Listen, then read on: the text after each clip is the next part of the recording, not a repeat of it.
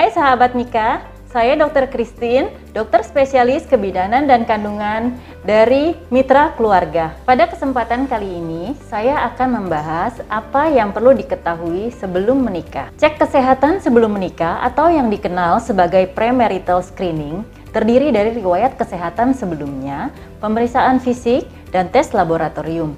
Pemeriksaan kondisi riwayat kesehatan berguna untuk melihat kembali resiko penyakit yang diderita oleh salah satu pasangan. Hal ini dilakukan untuk memahami resiko lebih lanjut serta cara terbaik mengobatinya. Apa saja cek kesehatan yang perlu dilakukan sebelum menikah?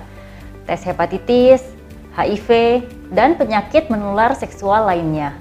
Selain itu, ada juga tes golongan darah, tes kondisi medis kronis, dan kondisi kesehatan mental. Jika sahabat Mika memiliki pertanyaan lainnya terkait kesehatan sebelum menikah yang perlu dicek, bisa langsung telekonsultasi atau jangan ragu untuk datang ke Mitra Keluarga.